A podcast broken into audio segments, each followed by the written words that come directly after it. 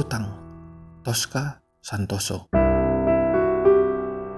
Tersiar pertama kali di ceritanet.com Narator Albertus Adrian.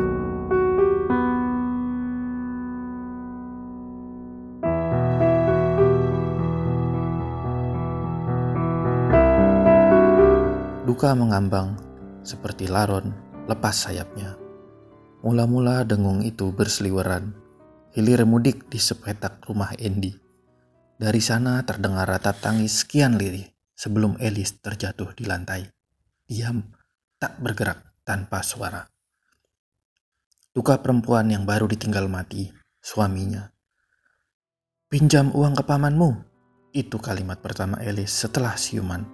Harry, anaknya, segera paham. Mereka perlu 4 juta, segera, tak dapat ditunda untuk penguburan bapaknya. Tak ada simpanan sepeser pun di rumah mereka. Menabung bukan kebiasaan keluarga Elis, bahkan ketika Andy masih sehat dan mampu bekerja. Utangnya selalu habis untuk makan sesehari. Kalau perlu dana dadakan, mereka bersandar pada utang, sekalipun dengan bunga yang sering kali teramat tinggi. Kali ini Elis butuh untuk gali kubur, pernak-pernik urus jenazah, dan tukang doa. Tak ada yang gratis, bahkan urusan kematian.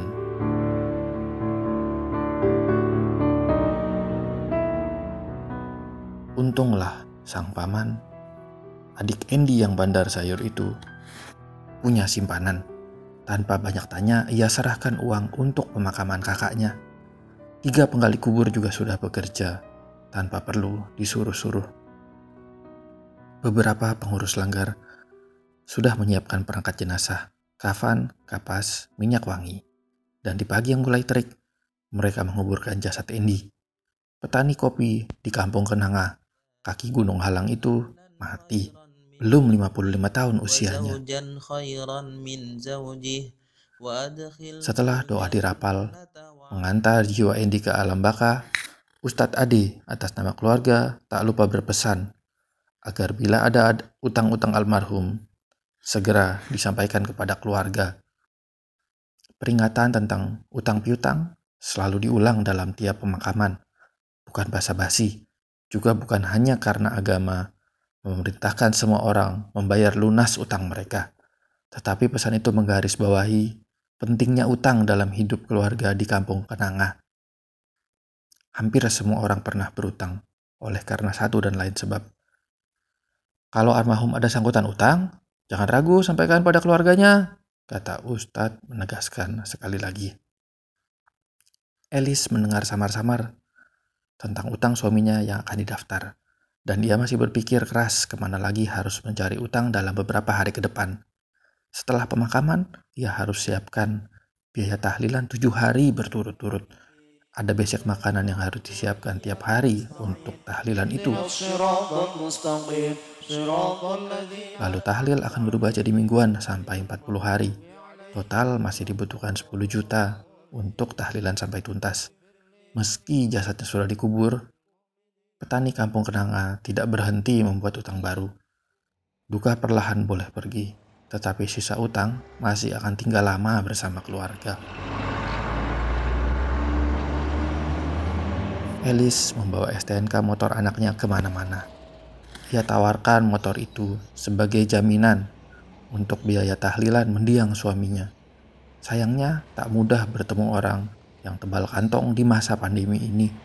Bahkan bandar-bandar sayur yang biasanya ringan mengambilkan dari motor, kini terlihat enggan. Harga sayuran ambruk, perdagangan lesu. Mereka lebih suka menyimpan uang tunai. Lelah dan gagal mencari utang, Elis kembali ke warung tempat ia biasa mengambil beras, juga kebutuhan lain selama tahlilan. Tiba di warung, Elis disambut wajah masam tetangganya. Penjaga warung sudah tahu Elis akan nganjuk lagi. Ini STNK-nya, simpan saja, kata Elis putus asa. Pemilik warung tak semangat tapi juga tak menolak. Karena tahlilan masih akan beberapa kali ia berhitung. utang Elis makin akan menumpuk sampai ritual itu selesai. Lebih baik kalau STNK motornya dipegang sebagai jaminan. Pedagang itu sekalian minta supaya motornya disimpan di warung. Jadilah pulang belanja Elis berjalan kaki. Motornya digadaikan ke warung tetangga. Harry, anaknya, terpaksa berhenti ngojek mulai besok. Entah apa yang bisa dilakukan pemuda tanggung itu selain narik ojek. Setelah lulus SMK yang dibiayai dengan banyak utang, Harry tak pernah mau lagi ke kebun kopi membantu bapaknya. Mungkin ia merasa ijazah SMK tak cocok ada di kebun, malu bergaul dengan parang dan cangkul.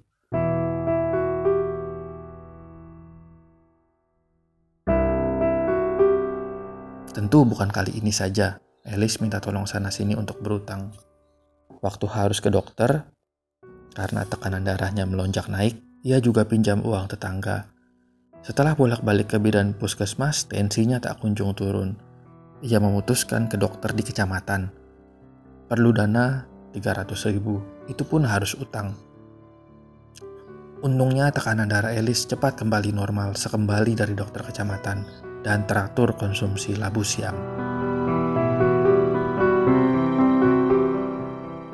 Utang paling besar terjadi tahun lalu ketika Tiba-tiba Andy tak bisa bangun dari tempat tidur.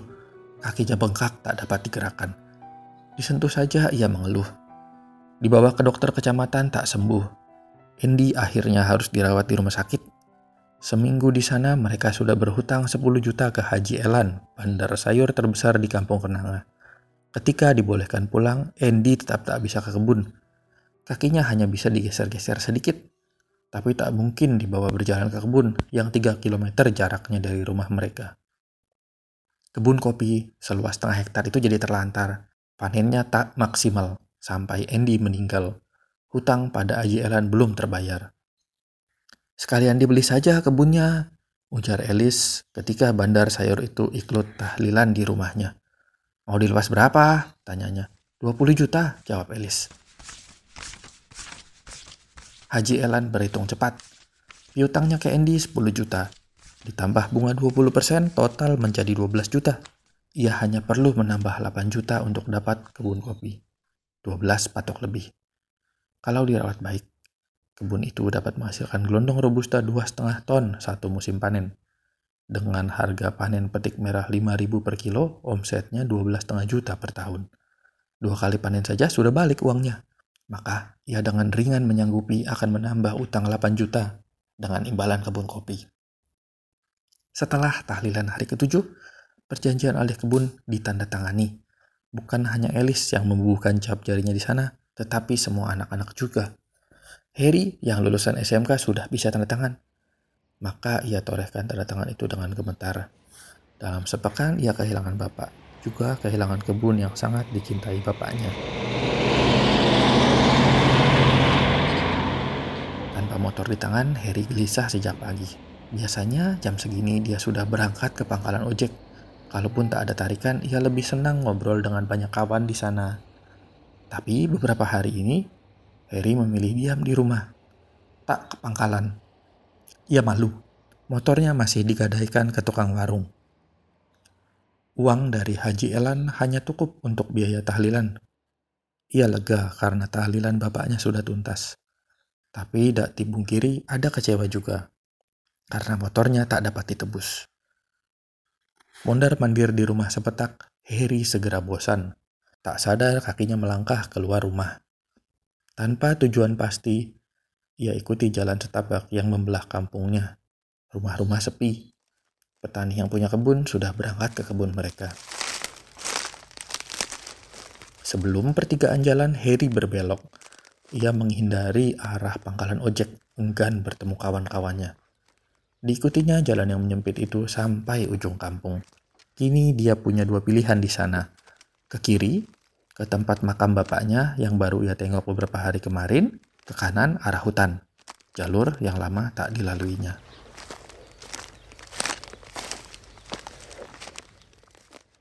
Harry memilih belok kanan. Jalan setapak itu tak asing baginya. Hanya sudah lama sekali tak dilewatinya. Waktu kecil ia sering diajak bapaknya ke kebun. Ia suka membantu apa saja di sana, membersihkan rumput, mengumpulkan kopi sisa luwak, juga bermain. Tetapi keasikan itu berhenti total ketika ia masuk SMK. Kebun kopi tak lagi menarik minatnya. Kebun tak cocok dengan apa yang dibayangkan sebagai kemajuan di kelasnya tentang komputer dan teknologi. Sekarang pun tidak. Ia hanya berjalan mengikuti kata hati, menghindari rumah, menghindari teman-teman di pangkalan ojek yang akan bertanya tentang motor yang belum ditebus.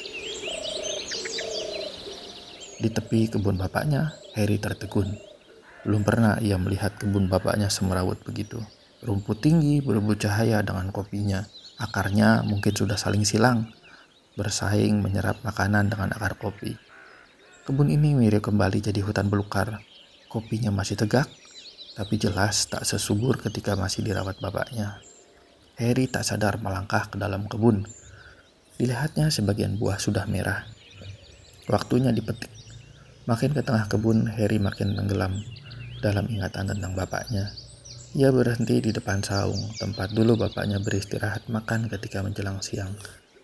Bersama, ia ikut nikmati bekal makan yang dibawa dari rumah. Nasi, ikan asin, sambal, dan lalapan. Petik yang merah, kata bapaknya terkiang. Harry mendengar suara itu di kedalaman hatinya. Ia segera bergerak menjauhi saung.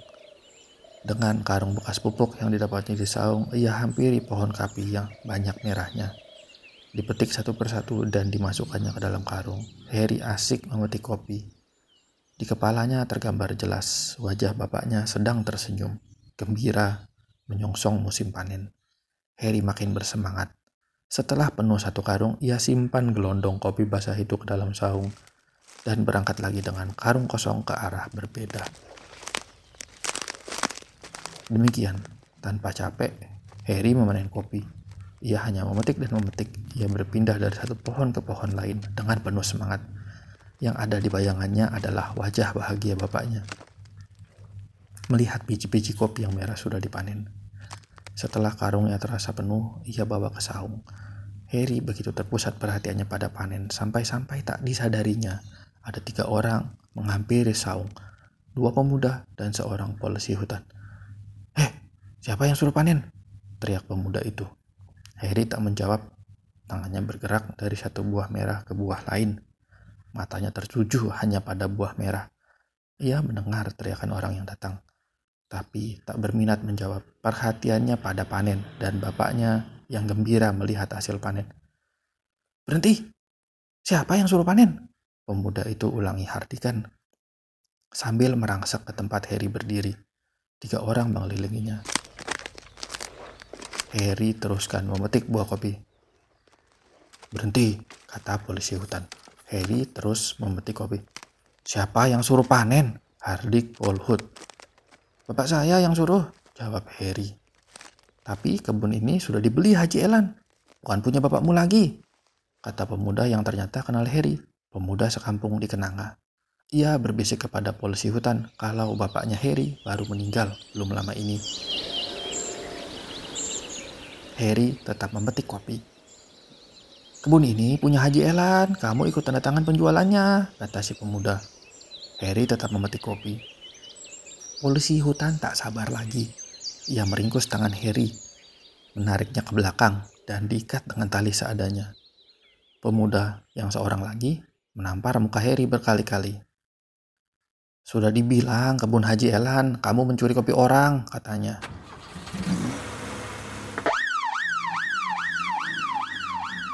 dan dengan tangan diikat ke belakang, Harry digelandang ke kantor kehutanan. Ia dipaksa menginap semalam di sana dan menandatangani berita acara pencurian kopi. Karena pertimbangan kasihan, Haji Elan tidak melaporkan kasus pencurian itu ke polisi. Pemuda suruhannya membawa hasil panen ke rumah Haji Elan. Dikumpulkan dengan hasil panen kopi dari petani lain sebelum dijual ke tempat pengolahan kopi di kecamatan. Esoknya, Harry pulang, disambut cemas oleh ibunya. Mukanya lecek, semalam tak dapat tidur di kantor Polhut. Bekas tamparan kaki tangan Haji Elan masih merah di pipinya. Kamu kan ikut tanda tangan waktu kebun dijual, jangan diulangi, tegur Elis. Harry tak menjawab. Ia memandang wajah ibunya dengan iba. Sementara pesan bapaknya terus terngiang supaya ia memetik kopi yang sudah merah. Tahun ini panen kopi berlalu tanpa kegembiraan. Biji merah memang masih keluar dari kebun-kebun. Sebagian dari kebun Andy yang semrawut dan banyak ditembuhi belukar. Kusut seperti utang yang menjerat kaki petani kampung Kenanga.